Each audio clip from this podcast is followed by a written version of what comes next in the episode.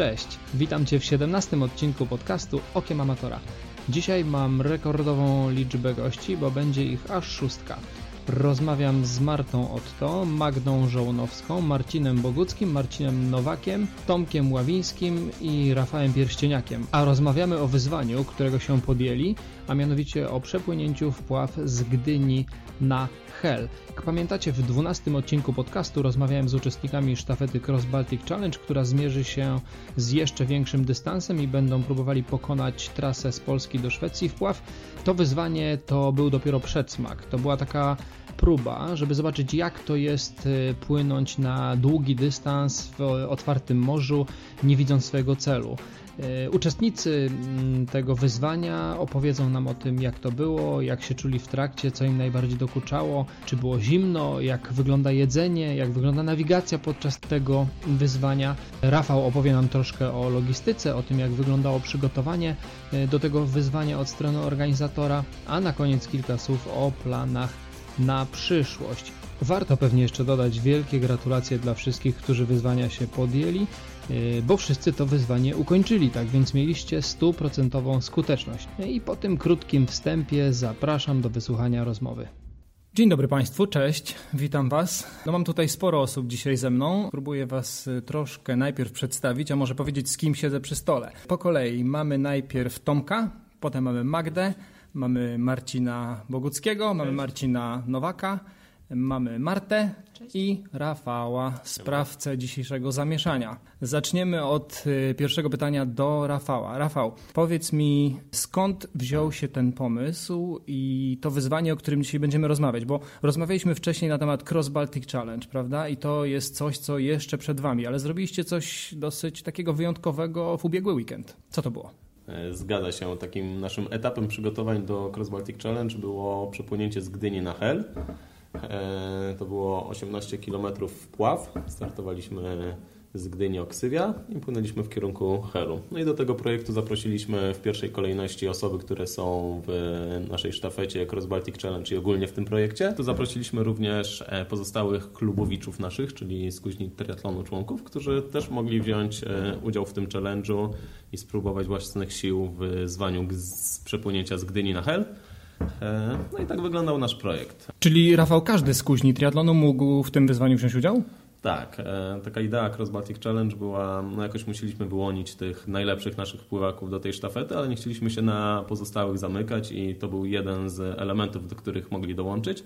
A też zdradzę, że e, po naszym głównym wyzwaniu zaproponujemy kolejne wyzwanie, w którym też będzie szersza grupa naszych zawodników mogła wziąć w tym udział i no i to nie koniec historii hmm. poza horyzont. Czy to też będzie wyzwanie związane z wodą? Najprawdopodobniej tak, choć szukamy jeszcze jakichś ciekawych pomysłów e, z innymi challenge'ami rowerowymi lub biegowymi, więc jak ktoś ma coś fajnego e, w głowie, to, to czekamy na podpowiedzi. Dobra. E, a powiedz mi, skąd wzięła się data tego wyzwania? Skąd, dlaczego akurat czerwiec? No tak naprawdę czerwiec e, nie jest najlepszym miesiącem na takie próby, ponieważ e, woda może być jeszcze dość chłodna, no ale my musieliśmy zrobić to przed naszym lipcowym wyzwaniem.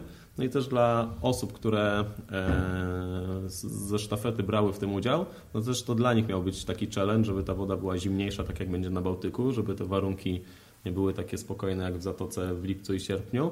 E, no jednak pogoda nam trochę pokrzyżowała plany i mieliśmy jedną z cieplejszych wiosen, przez co woda w Zatoce była wyjątkowo ciepła w czerwcu, praktycznie jak już, e, jak już w wakacje. E, też było w miarę spokojnie, no ale, ale myślę, że te 18 km, które było do pokonania, które zajmowało 7 godzin, było naprawdę niezłym wyzwaniem. Mhm. Dobrze, czyli podsumujmy. Y, z Gdyni na Hel, jaki to był dystans w kilometrach? W linii prostej było 17 km, jednak e, pokonanie takiego dystansu w linii prostej przy tak małej prędkości, z jaką porusza się pływak, jest e, bardzo trudne do zrealizowania, więc tak naprawdę każdy przepłynął inny dystans i w innych warunkach, także e, było to minimum 17, a, a maksimum jakie nam tam wyszło 21 km, choć też takie E, ciężkie do, do powiedzenia, czy tak na pewno było. Ja już tutaj widzę Magda robi minę, więc to znaczy Magda, że ty zrobiłaś ponad 20 km, tak? Tak. No dobrze, do tego zaraz, e, zaraz do tego przejdziemy. Dobra, to teraz takie pytanie do Was już, do uczestników. Czy mieliście jakieś obawy przed tą próbą? I może właśnie Magda zaczniemy od Ciebie. Tak jak powiedziałam przed wejściem do wody, w zasadzie nie miałam żadnych obaw. Bardzo czekałam na ten challenge, nie mogłam się doczekać. Już po prostu tak mam, że, że nie myślę o tych złych rzeczach, które mogą się zdarzyć. I tak naprawdę niczego się nie bałaś? No nie. No dobrze, a Marcin w takim razie, a z twojej strony? Ja nie spałem cały tydzień. Całą noc walczyłem z wodą, brakiem oddechu i innymi rzeczami. Wystartowałem niewyspany. Gdybym wiedział wcześniej, że fala się pojawia w godzinach, kiedy ja startowałem, to nawet bym poszedł wcześniej pływać. Ale niestety. No dobrze, czyli z tego co słyszę, to tak było różnie z tymi obawami. Jedni się bali, jedni się nie bali. To teraz chciałbym się dowiedzieć, jak wyglądała to próba e, waszymi oczami. Może zaczniemy od ciebie, Tomek. Yy, moimi oczami. Może ja też zacznę od tych obawach trochę, bo miałem ich, tro, miałem ich sporo tak naprawdę. Yy, szczególnie wcześniej, kiedy myślałem, że woda będzie naprawdę zimna i tego się obawiałem, bo no, obawiałem się wychłodzenia organizmu. Potem kwestia odżywiania to też był taki znak zapytania. Yy, nie wiedziałem, jak mój organizm się zachowa w, w morskiej wodzie, nie wiedziałem, czy będzie falowanie, także było, było trochę strachu, ale finalnie dla mnie całe te 18 kilometrów praktycznie całe to była, to była jedna wielka przyjemność, tak mogę powiedzieć. E, miałem fajne warunki na początku, e, bardzo spokojną wodę, wszystko było idealnie, organizm się zachował dobrze, przyjmował cały plan żywieniowy jak trzeba i po prostu to był mega, mega fan. 18 kilometrów, sama przyjemność. No tak, tak, tak, zaryzykuję się, tak, mogę zaryzykować takie stwierdzenie. Tak. No dobra, a Marta, powiedz jak to wyglądało u Ciebie? Ja się bardzo bałam. Ja się bardzo bałam. Yy, tak naprawdę yy, noc, noc, nie, noc przed, przed próbą to całkiem okej okay spałam, ale wcześniej nie mogłam w ogóle spać. Najbardziej bałam się zimna i to oczywiście się pojawiło po pierwszych 20 minutach od wejścia do wody, ale udało się jakoś rosołem sprawę zażegnać. No i bardzo się bałam 11 kilometra. I dalej jak już połówkę udało się złamać, to, to już można było płynąć dalej. Oprócz tego mój organizm całkiem przyzwoicie zniósł ten wysiłek i wydaje mi się, że, że mogłabym jeszcze tak co kilka godzin sobie popłynąć, tylko nie wiem po co. Powiedzcie mi, kto z Was miał jakieś przygody związane z pogodą? Kto miał najgorszą pogodę, może tak? No chyba ja. Płynęłam razem z Michałem Jakubowskim, no tylko on przypłynął swoim tempem, e, bardzo szybko mi zniknął. E, właściwie po dwóch kilometrach już go nie widziałam, nie widziałam jego łódki. I on, e, przeżyliśmy razem mm, mniejsze załamanie pogody, którego właściwie nie odczułam. I w momencie, kiedy dowiedziałam się, że Michał dopłynął, odwróciłam się za siebie i zobaczyłam czarne chmury. E, wtedy dopłynął Rafał, no i się zaczęło. To tak chyba był 15 kilometr. Mm, mocno ściągało nas e, do Bałtyku. W zasadzie od 15 kilometra mm, nic nie jadłam i nie piłam, bo za każdym razem jak się zatrzymaliśmy, to cofało nas o kilkadziesiąt metrów w głąb Bałtyku, więc to było, no to było fajne przeżycie, inne niż wcześniej. To znaczy, ale na czym polega ta przy, przygoda z pogodą? Rozumiem, że burzy nie było, po prostu były niekorzystne prądy i wiatr. Tak. Mhm. Wiatr i fala.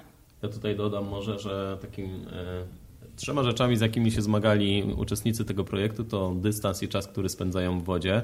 Na to byliśmy się w stanie tutaj przygotować w Warszawie, po prostu pływać e, jakieś dłuższe treningi w jeziorze.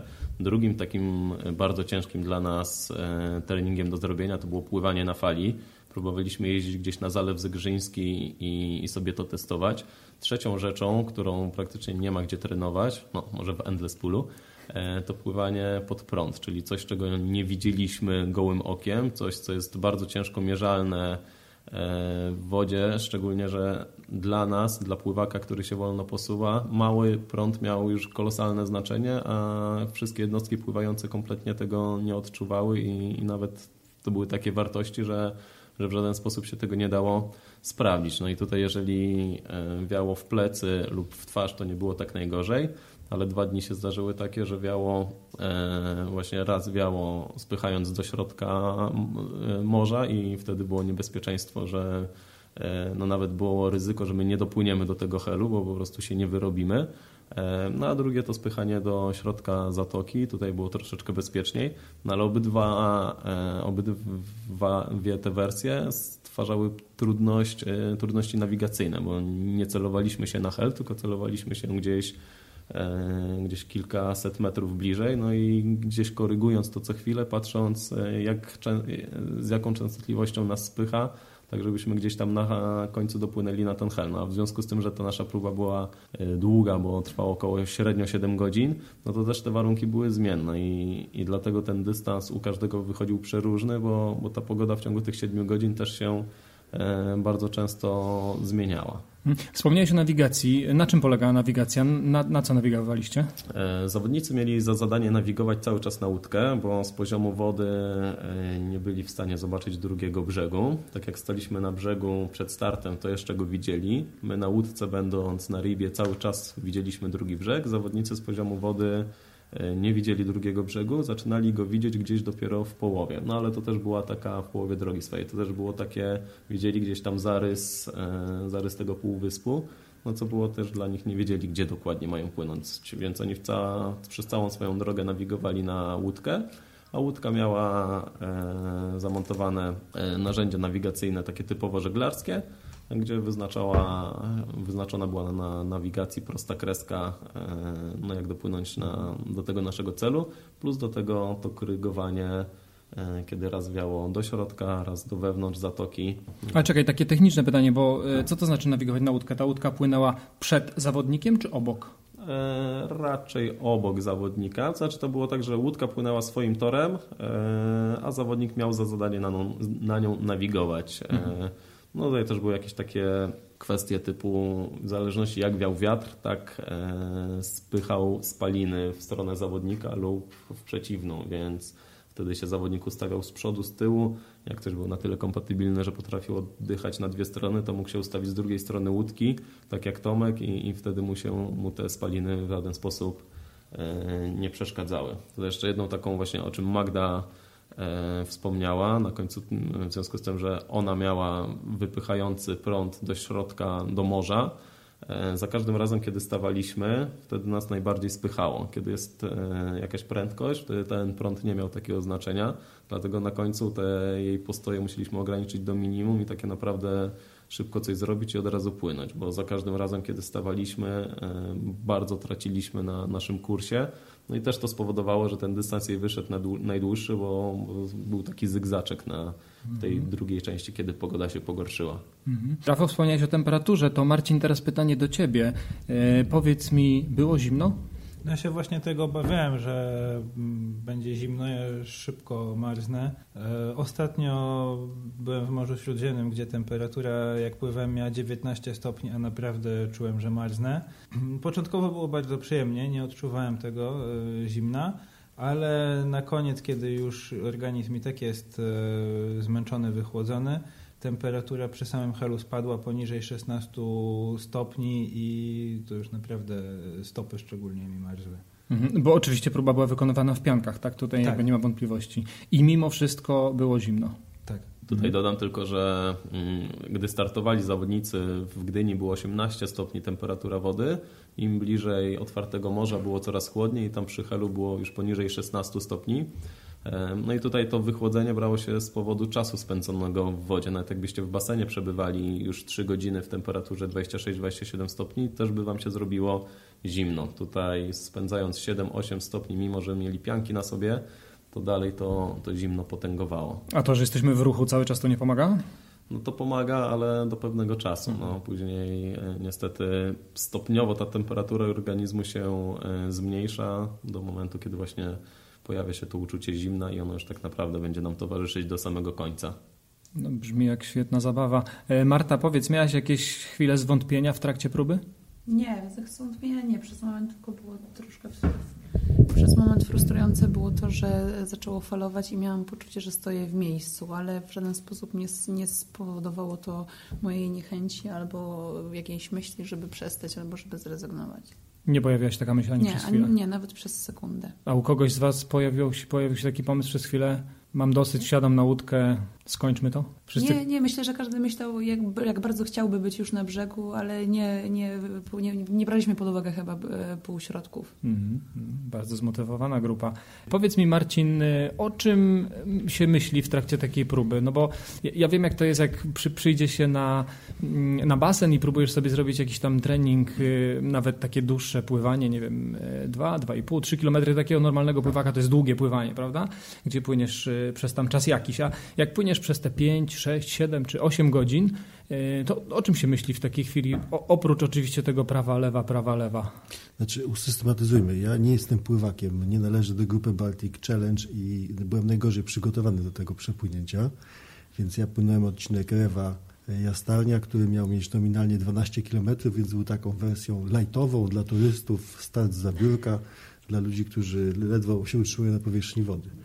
Więc po pierwsze to od drugiego kilometra poważnie się zastanawiałem, co ja tutaj robię i co, że musiał mi do łba strzelić coś, żeby się zabierać ze sportowcami za, za jakieś pływanie w jakiejś zatoce w nieznanych sobie warunkach, bo też najmniej ćwiczyłem, byłem najmniej przygotowany do...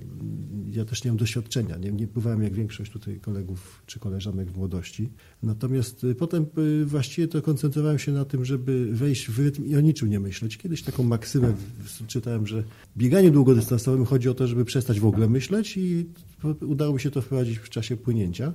Y, I w którymś momencie się zorientowałem, że nawet, że coś jest nie tak z tym płynięciem po którymś żywieniu, y, bo cały czas na jedną stronę biorę oddech, a powinienem brać na dwie, bo ja bywam na trzy, żeby było y, w miarę symetrycznie i żeby nie skręcał. Wtedy się okazało, że oddycham co cztery ruchy ręką i tak się przestraszyłem, że natychmiast zaczęło mi brakować tlenu i potem już koncentrowałem się, żeby do trzech liczyć i w zasadzie o niczym więcej nie myślałem. No dobra, a y, może tutaj ktoś z mojej drugiej strony, Tomek, a ty o czym myślałeś w trakcie płynięcia? No ja Generalnie starałem się jakoś odciąć. E, gdzieś miałem takie wyobrażenie, że jestem samotnym jeźdźcem na zatoce, nawet trochę odpływałem od łódki, żeby tak się poczuć jeszcze bardziej sam. I to było fajne. E, no, gdzieś po tak, przy tak długim czasie, kiedy, kiedy jest się w pewnym rytmie takim monotonnym, e, bo jednak to pływanie, rotacja ciała, jednostajne ruchy, no wprowadzają taki rytm. E, no to ja staram się gdzieś, gdzieś, gdzieś zagłębić w samego siebie, w te mm, dźwięki, odgłosy e, podwodne mojego oddychania, mojego ciała, mm, tego jak ono e, funkcjonuje, tego jak ono reaguje z wodą. No gdzieś, gdzieś właśnie kwestia zagłębienia się gdzieś we, we, we własne myśli i odcięcia. Mm. To było to, co próbowałem robić i przez kilka dobrych godzin mi wyszło i, i to było bardzo, bardzo przyjemne. To brzmi prawie jak medytacja. Tak, tak. Znaczy mówiąc szczerze, y, gdzieś do, do tego dążę w takich długich y, tematach pływackich, aczkolwiek jeszcze to chyba, jeszcze mi brakuje trochę skilli medytacyjnych, hmm. żeby to osiągnąć. Y, no i z pewnością tutaj jest kwestia odcięcia już się w kwestii techniki, kwestii, kwestii fizyczności, znaczy żeby to było automatyczne, żeby już o tym nie myśleć, bo, bo od pewnego momentu, kiedy pojawia się już ból, e, to, to rzeczywiście trudno o czymkolwiek myśleć poza, poza, poza jakimś bólem, poza tym, że coś jest e, niekomfortowo, że, że, coś, że coś jest nie tak. No i wtedy, wtedy cała filozofia już tam i medytacja chyba idzie sobie w odstawkę. Mhm. A kiedy ten ból się zaczyna pojawiać? To, to, to, to zależy, to jest kwestia chyba indywidualna. Gdzieś usztywnienie ciała, barków, no u mnie się pojawiło po czwartej godzinie mniej więcej, e, ale całkiem miałem fajne warunki, dobrze, luźno mi się płynęło przez, przez te pierwsze godziny. E, więc to jest kwestia indywidualna, w zależności od przygotowania, od warunków, od tego, jak, e, jak, jak kto jest właśnie przygotowany. Mhm. Magda, a powiedz mi, jak wygląda samopoczucie właśnie tak po czwartej, piątej godzinie pływania? Jak, jak się wtedy czułaś? Ja tak jak mówiłam wcześniej, czułam naprawdę się całkiem nieźle. Jakoś na początku roku udało mi się przepłynąć 21 km na Otyliadzie. I cały czas myślałam o tym, że jednak przepłynęłam już te kilometry i, i weszłam do tej wody właśnie z taką, z taką myślą, że, że jest to już za mną. Zupełnie okazało się pływanie w morzu czym innym, ale jednak pomogło mi to właśnie nie tworzyć jakichś czarnych myśli. Wiedziałam, że no po prostu dam radę. Poza tym jest przy mnie łódka i to, co robili ci panowie Ze wsparcia. z wynajem Riba, tak. Ja się czułam po prostu strasznie bezpiecznie i to było bardzo profesjonalne i y, i nie miałam czasu na, na jakieś tam czarne myśli. Jeśli chodzi o zimno, to nie złapało mnie ani razu, ale ja staram się bardzo mocno morsować. I, i wchodzę do zimnej wody i, i nawet lubię, jak mam zimne stopy. No więc naprawdę super się czułam. Marta, a powiedz mi, jak wygląda u Ciebie kwestia jedzenia? Czyli interesuje mnie, co jadłaś, no i oczywiście jak reagował Twój żołądek? Przede wszystkim podstawą był rosół ze względu na temperaturę ciała, na to, żeby nie wychłodzić się za szybko. Ale oprócz tego, e, pamiętam, miałam banany, chyba kanapki z nutellą, e, jakieś batoniki zbożowe, i na czarną godzinę zostawiałam sobie ze dwa żele, takie y, sportowe i miałam taką saszetkę pod hasłem Rescue Set i tam miałam tonę czekolady i krówek mnóstwo. A rozumiem, że żołądek y, bez problemu przyjmował pokarmy? Bez problemu, bez problemu. Mhm. Jeszcze jakieś chyba były izotoniki, nie, bez problemu. Nie było żadnego problemu z żywieniem. Mhm. Dobrze, ja oczywiście też e, zachęcam e, naszych słuchaczy do tego, żeby sobie zobaczyli te e, filmy z tej próby na profilu Kuźni Triatlonu, ale dla tych, którzy tego jeszcze nie widzieli, to jak to podawanie jedzenia wyglądało praktycznie? No bo wiesz, jeżeli ktoś tego nie widział, to, to ciężko sobie to wyobrazić. To był bardzo profesjonalny sprzęt. Na długim kiju był zamontowany garnuszek i w tym garnuszku były zapasy żywienia podawane. Generalnie na wyciągnięcie ręki miałam wszystko. Tak jak Magda powiedziała, chłopaki zachowywali się mega profesjonalnie. Ja miałam kaprys na kanapkę, to podawali mi kanapkę. Ja powiedziałam, że nie, rzucam kanapkę, poproszę krówkę, to natychmiast rzucali się po krówkę, więc ja czułam się też bardzo komfortowo, jeżeli chodzi o zabezpieczenie żywienia. A zapasy były twoje, czy to... Zapasy były moje. Mhm, mhm. Czyli wcześniej sobie zaplanowałaś już całe. Tak jest. Dobra. E, Marcina, u ciebie jak wyglądało jedzenie? E, ja jedzenie mm, pewnie tak jak wszyscy testowałem już wcześniej na kilku takich dłuższych treningach, co mi będzie dobrze służyło. E, I mm, miałem przygotowane na zmianę pierogi z mięsem i rosół. To było co e, pół godziny, a co drugie pół godziny miałem banany i mus, taki jogurtowo-owocowy i do tego wodę z rozpuszczonym żelem sportowym i okazało się, mimo że miałem to przetestowane, że to jednak się nie sprawdziło zbyt dobrze, bo szybko pierogi przestały mi w ogóle wchodzić, a ten mus mi też, też żołądek się buntował przeciwko temu. E, więc e, w ostatnich, e, nie, w, w ostatnie półtorej godziny, może dwie godziny, tak naprawdę jadłem już tylko banany i, mm, i tą wodę z żelem. Mhm. Ale z, takich e, większych problemów żołądkowych nie miałem. Po prostu zmieniłem to żywienie na bieżąco i, i dalej było dobrze. A jak wygląda kwestia e, choroby morskiej, Marcin? Miałeś jakieś problemy? Ja jestem chyba złym adresatem do tego pytania, bo ja byłem w głębi zatoki, gdzie e, fala jest mniejsza. Znaczy, z, z poziomu wody trudno jest ocenić, czy ona wystąpiła mniejsza czy większa. Nie potrafię tego porównać z tym, co przeżyła nie wiem, kto miał największą falę, Marta ja czy Magda. Magda. Znaczy u nas w, tej grupie dziewczęta miały najgorsze warunki. Tak to zostało dobrze dobrane, a chłopcy generalnie mieli rewelacyjne. Dlatego mogę tak szybko płynąć. Przepływaliśmy szybko, błyskawicznie, bez oporu, a dziewczyny falowały, więc może Tutaj oddam głos Marcie, która może opowiedzieć coś. Albo Marta, powiedz. Proszę. Ja, czy ja nie odczułam choroby morskiej w żaden sposób, także tak jak mówiłam wcześniej, mnie tylko strasznie irytowało, że ja się tak wolno przemieszczam przez tą falę, ale oprócz tego żadnych problemów z żołądkiem nie odczułam. Magda? Ja również nie, ale przede mną płynął e, Michał. I myślę, że Rafał może coś powiedzieć na ten temat. Tak, tutaj zdecydowanie e, no, Michał z Magdą mieli zdecydowanie najgorsze warunki e, pogodowe i tego falowania.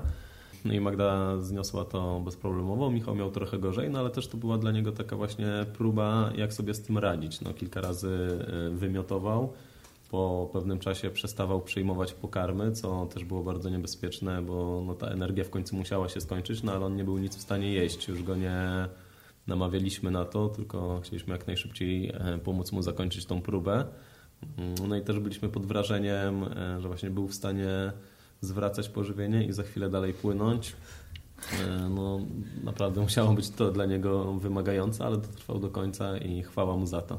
Mhm, ale już na wywiad dzisiaj siły nie miał. Pojawił się. Przygotowuje się do testu, który za chwilę przed nami.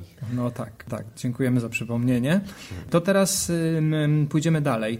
Czy ktoś z Was miał jakąś taką e, wesołą albo zabawną sytuację? Bo ta sytuacja Michała raczej do tych zabawnych nie należała, ale może wydarzyło się coś takiego pozytywnego, wesołego, czym ktoś chciałby się podzielić. Ja mogę taką sytuację przytoczyć, ponieważ kiedyś się pojawiło falowanie i koniecznie chciałam mieć punkt odniesienia, żeby oprócz tego, że nawiguję na łódkę, żeby też jakieś mieć poczucie, że jak wyjmę głowę z wody i będę widziała jakiś punkcik, żeby się do niego odnieść.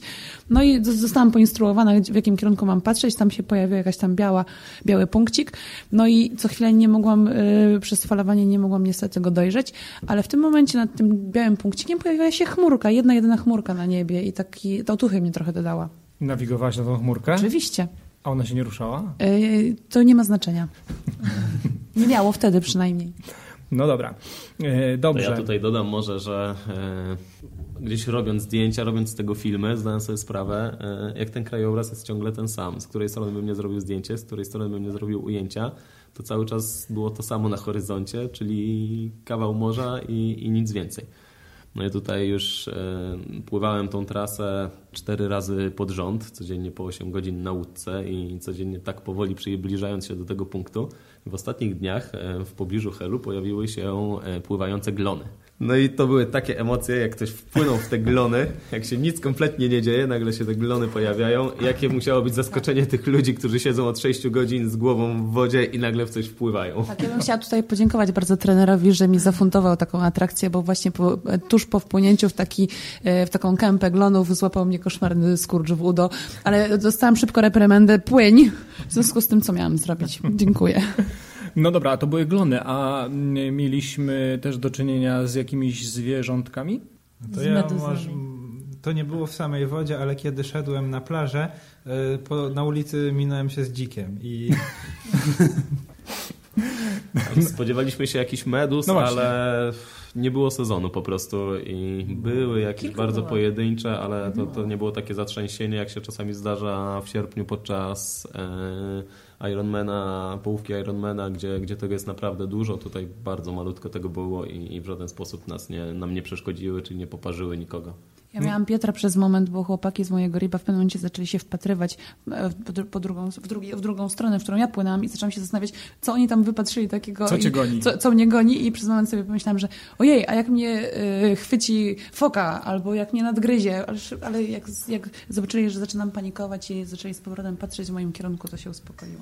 Tutaj zwierzątek nie mieliśmy na trasie. Taką logistyczną przeszkodą, jaką mogliśmy mieć, to, to jakieś inne jednostki pływające. W związku z tym, że my byliśmy najmniejszą z możliwych, E, to każdemu tak naprawdę powinniśmy ustępować. I tutaj Marta, co opowiadała swoją historię, mogła napotkać jakieś inne statki kursujące na Hel, takie większe jednostki. No i im, im niestety nie, musieliśmy ustępować i e, w przypadku Kuby Kociołowicza musieliśmy zboczyć troszeczkę z kursu, aby, aby nie wejść im w tor wodny, bo wtedy byłaby, byłoby niebezpieczeństwo, że musielibyśmy taką osobę zabrać na na Riva i ją po prostu wywieźć gdzie indziej, bo tak wolno się poruszaliśmy, że w żaden sposób nie byliśmy w stanie szybko później zareagować. Także cały czas dookoła się e, mhm. oglądaliśmy, czy, czy coś w naszym kierunku nie płynie takiego. A musieliście uzgadniać e, tą trasę z jakimiś służbami kontroli? Tak, potrzebowaliśmy specjalnego pozwolenia z kapitanatu portu na możliwość przepłynięcia właśnie wpław z Gdyni na Hel. W związku z tym też nasz start następował e, z Gdyni Oksywia, czyli jest taka północna Gdynia, za portem przede wszystkim, e, czyli musieliśmy ominąć e, port, z którego cały czas odbywał się regularny ruch i tak naprawdę przecinaliśmy tylko tor wodny portu Helu, czyli, czyli już tam było zdecydowanie mniej statków i, i mniejszych E, nie towarowe i nie takie pasażerskie, naprawdę wielkie maszyny. Mhm, mhm. No, tutaj tak e, jak wcześniej odpowiadaliście na to poprzednie pytanie, e, czyli tutaj glony, to jakaś tam super atrakcja. Rafał opowiadał, że mm, kilka razy tą samą trasę i ciągle ten niezmienny krajobraz. Ja ciągle się zastanawiam, bo to nie padło u was, monotonia. Czy było to uczucie Wam towarzyszyło? Ja proponuję się zastanowić, co robiliście 8 godzin temu, później się zastanowić, co robiliście przez te 8 godzin. No i tak właśnie e, nasi zawodnicy spędzali ten czas cały czas machając rękami z głową w dół. Znaczy, W moim przypadku dochodziły pewne atrakcje, ponieważ jako jedyny miałem towarzystwo na łódce mojego syna, który został, y, który jak się dowiedział, że będę płynął, to powiedział, że koniecznie chce być na łódce i zobaczyć, on w to nie uwierzy. I jakoś tak się zorganizował, że nie wziął jedzenia. I co, co karmienie pytał mnie, czy akurat, czy będę jadł pierogi. A po co ci tyle tych pierogów? Y, W następnym karmieniu y, mówi, a rosołku już nie pijesz, bo tu jest, to może ja się poczęstuję. I okazało się, że wypił półtora litra rosołu, zjadł wszystkie pierogi. Na dwa karmienia przed końcem do mnie mówi tak, ale naleśniczków też nie będziesz jadł. I zjadł mi naleśniczki, a potem się odbyła bitwa, bo to już była realna bitwa, ponieważ mi tam już nie wchodziły te pierogi, więc ja się zgodziłem na pierogi. Poprosiłem rosołku tylko jedną szklaneczkę, to jeszcze mówi do mnie, że takie żele tutaj są jabłkowe. Ja mówię, to jest jedyna rzecz, która mi wchodzi. Ale przecież tyle nie zjesz. I musieli, musieliśmy odbyć ustną walkę o to. No, żele mi zostawił te takie, takie, takie jakieś jabłka to były takie kubusie jakieś jabłkowe i to było jedyne, co mi tam już na koniec wchodziło, chociaż ja byłem krótko, nie miałem tych doświadczeń, co pozostali uczestnicy. Czyli u ciebie monotonii nie było, bo prowadziłeś walkę o jedzenie. Miałem walkę o jedzenie i za każdym razem o inny, o inny produkt, więc y, nie, nie przywiozłem zapasów do domu. No dobra, Magda, ty płynąłeś najdłużej. Coś masz do powiedzenia na temat monotonii albo nudy, czy nie było nic takiego? Nie, bo cały czas zmieniała się pogoda, więc nie było nudy. No dobra, nie da ci się podpuścić, to zostawiam to pytanie. No to teraz y, kolejny temat. Y, Widzicie hel przed sobą, a zostało jeszcze powiedzmy tak z 3 km mniej więcej do dopłynięcia. Jakie wtedy, jakie to jest uczucie, Tomek? Ym, Znaczy im ten cel y, klarowniej gdzieś tam się rysuje, no tym motywacja się zwiększa. Akurat w moim przypadku było tak, że im byłem bliżej, właśnie już jak on się zaczął rysować, to troszkę te warunki się pogorszyły i zacząłem wolniej przez to płynąć, bo miałem wiatr e, z przodu, e, więc to było trochę irytujące, e, ale zdecydowanie no, im ten brzeg jest bliżej, tym, tym ta motywacja jest większa. Znaczy motywacja chyba jest od samego początku. Tak jak już mówiliśmy wcześniej, nie było jakichś momentów zwątpienia w ogóle chyba u nikogo z nas. E, Więc e, no ja miałem taką głupią myśl, nie wiem, podzielę się nią, może nie, e, nie wiem, czy koledzy mnie tu nie zlinczują, ale jak była taka czwarta godzina, piąta, tak myślałem, kurczę, jeszcze z godzina, szkoda, że tak szybko to się skończy. Bo to, że miałem taką myśl. Poważnie? Tak, tak, tak, tak, tak, tak. Znaczy głównie dla, dlatego, że całkiem dobrze się po prostu czułem przez to dokonywanie. E, Także no, to była moja, to była moja historia. Marcin? Jak to wyglądało u ciebie? Że jak e, rzeczywiście jak ten brzeg w połowie dystansu zaczęło być widać, to się ucieszyłem i tak wydawało się, że teraz jest bliżej, ale e, to, tak trochę mnie to napędzało, żeby, żeby płynąć szybciej do tego celu, ale mm, wcale to nie wygląda tak, że on się jakoś szybko przybliża. I ostatnie pół kilometra, nawet jak już miałem powiedziane z łódki, że, że to już pół kilometra zostało i widziałem już nawet e, tą plażę, na którą trzeba celować, to coraz mniej wierzyłem w to, że to rzeczywiście się tak przybliża i jest blisko. I No właśnie o to, mi, o to mi chodziło, że to wydaje się, że już jest blisko, a to jednak trwa i trwa. Szczególnie tak, ten z odcinek. perspektywy lustra wody to zupełnie nie da się tak dobrze ocenić odległości. Okej. Ja tu mogę przytoczyć jeszcze taką jedną atrakcję, bo ja miałam poczucie, że pod koniec byłam regularnie okłamywana. Ja myślę, że to chłopaki też mieli niezły ubaw z tego, bo y, najpierw się dowiedziałam, że jest, y, że zostało mi kilometr 600, potem po pół godzinie dowiedziałam się, że zostało mi półtora kilometra, potem kolejne pół godziny minęło, okazuje się, że y, też jakieś tak, strasznie mało, też strasznie wolno ubywało tych kilometrów, a na koniec usłyszałam, zostało ci tylko 400 metrów, które pokonywałam w mega y, ekstremalnie długim czasie i miałam takie, gdybym wiedziała wcześniej, że to jest 1400 na przykład, to też inaczej by to wyglądało. Ja miałam wrażenie, że płynę szybciej, bo chciałam już wyjść z wody, ale chyba stałam w miejscu. No dobra, Marcin, jak się czułeś, jak wyszedłeś z wody? No wtedy nastąpił kryzys. Dobrze, że cały, cały, cały czas w wodzie czułem się bardzo dobrze. Jak wyszedłem, to już, to już adrenalina opadła i to z pełną jakby świadomością wtedy, uświad- znaczy uświadomiłem sobie wtedy, że to jest był głupi pomysł, nie należało tego robić. No dobrze. Y, Magda, a ty? Mm, No jak wy- wychodziliśmy z wody, to Rafał witał nas e, szampanem i naprawdę wlał mi do oka bardzo dużą ilość.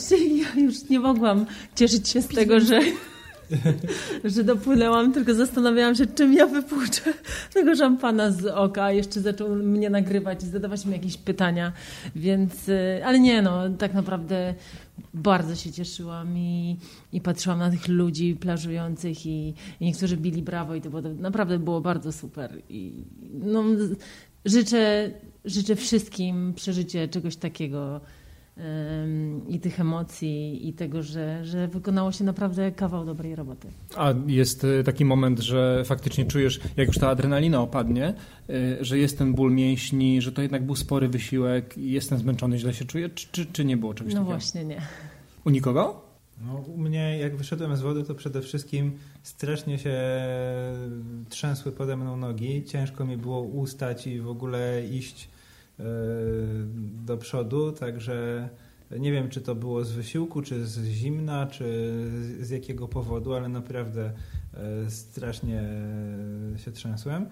E, a jeśli chodzi o bóle, no to może nie mięśni, ale stawów w barkach i, i plecy. Mhm. To zdecydowanie. Jeszcze przez dwa dni taki ruch, e, ciężko pokazać to do mikrofonu, ale taki typu mhm. otworzyć klamkę, wkręcić coś śrubokrętem, to był, było duże, duże kłucie w barku. No dobra, ja myślę, że moje kolejne pytanie tak naprawdę właściwie już na nie odpowiedzieliście, bo chciałem zapytać, czy zrobilibyście to jeszcze raz? Ja, wró- ja bym chciała tam wrócić i w końcu przepłynąć y, odpowiedni dystans i y, no i co, no i pobić czas. Mhm. Ja myślę, że jeszcze raz tak, ale jakiś dłuższy dystans. Tak? Może wróćmy. Tak. Może jakieś Coś więcej. nowe, ciekawe miejsce. No dobra, to teraz y, y, ostatnie jeszcze takie pytanie do zawodników, później mam jeszcze dwa do Rafała. Czy teraz czujecie się pewniej przed y, Cross Baltic Challenge, przed właściwym wyzwaniem, czy wręcz są troszkę większe obawy, bo już wiecie jak to smakuje, a tutaj mówimy o pływaniu chyba jeszcze trochę dłuższym? Nie jestem dobrym, e, nie jestem dobrą osobą do odpowiedzi, bo jestem akurat z kuźni, z tej zewnętrznej ekipy, która nie płyniesz. tak, uczestniczyła. Marcin? No, zdecydowanie e, czuję się dużo pewniej przed e, głównym wyzwaniem. E, może źle to sobie tłumaczę, ale tutaj w tej wodzie spędziłem ciągiem 5,5 godziny. Natomiast podczas głównego wyzwania naraz będę wchodzić do wody co tak naprawdę na godzinę. Więc będzie też ten czas na odpoczynek, regenerację i no, ten odpoczynek to, wiesz, on będzie wyglądał jak no, będzie na, na, na, tej, na tej jednostce. Marta, ty pewniej czy nie? Czuję się dużo pewniej, aczkolwiek mam e, całą listę rzeczy, na których jeszcze trzeba będzie się skupić przed docelowym wypłynięciem e, i na pewno, na pewno trzeba będzie pomyśleć, jak rozegrać sprawę ogrzewania ciała. Ale już mam pewne pomysły na ten temat, także mhm. zdecydowanie tak jak Marcin, dużo pewniej, dużo pewniej. E, Rafał, jeszcze żeby tak dać e, może naszym słuchaczom mm, obraz tego poziomu, jaki zawodnicy mm, twoi reprezentują, to e, najszybsza osoba w jakim czasie pokonała ten dystans? E, ja uważam, że w ogóle porównywanie e, czasu tutaj wszystkich osób, które to, które to płynęły w różnych warunkach kompletnie nie ma sensu, e, bo te warunki zewnętrzne tutaj miały tak kolosalny wpływ, że nie da się porównać tych czasów. Zajęło nam to od 5,5 godziny do 8,5 godziny. No ale ze względu na to falowanie, a przede wszystkim na prąd, który tutaj miał największe znaczenie, plus do tego na nawigację, każdy z nas przepłynął, każdy z Was przepłynął e, różny dystans. Także kompletnie tego bym nie brał pod uwagę, ale jeżeli ktoś się zastanawia, czy dałby radę podjąć takie wyzwanie, e, to tutaj posłużę się naszym testem e, na 400 metrów. Najszybsza osoba ten test pływa 5.30 mm, a najwolniejsza osoba pływa ten test 7 minut. Ale tak jak e, jeszcze dodam, że najważniejsza jest generalnie tolerancja długodystansowego pływania. Tutaj nie wygrywał najszybszy, ale ten, który był w stanie długo, długo płynąć. Jak najbardziej, bo to nie był wyścig, ale bardziej byłem ciekaw właśnie, jakie to, były, jakie to było mniej więcej średnie tempo na 100 metrów, żeby mieć jakiś taki punkt odniesienia. E, no to z tego co liczyliśmy te 5,5 godziny to jest mniej więcej e, pomiędzy gdzieś koło minuty 45, e, jeżeli tam gdzieś widziałem dobrze, ktoś to, ktoś to obliczył. No to całkiem sprawnie. Jest całkiem sprawnie, ale to było wtedy, kiedy, kiedy ta fala, kiedy ten wiatr był w plecy. Więc to, to, to, to naprawdę jest nie do porównania. No to to jest inne pływanie. Ja w ogóle chciałam bardzo podziękować Rafałowi Pierścieniakowi i e, e, tak, za, za to, że w zasadzie to, to jest bardzo grube przedsięwzięcie. Dla mnie to było grube. Ja byłam przerażona wchodząc do wody. E, byłam przerażona wchodząc do wody, dlatego jakby dla mnie bardzo ważne było to poczucie bezpieczeństwa i wiedziałam z kim płynę, wiedziałam, wiedziałam, że mogę im chłopakom zaufać.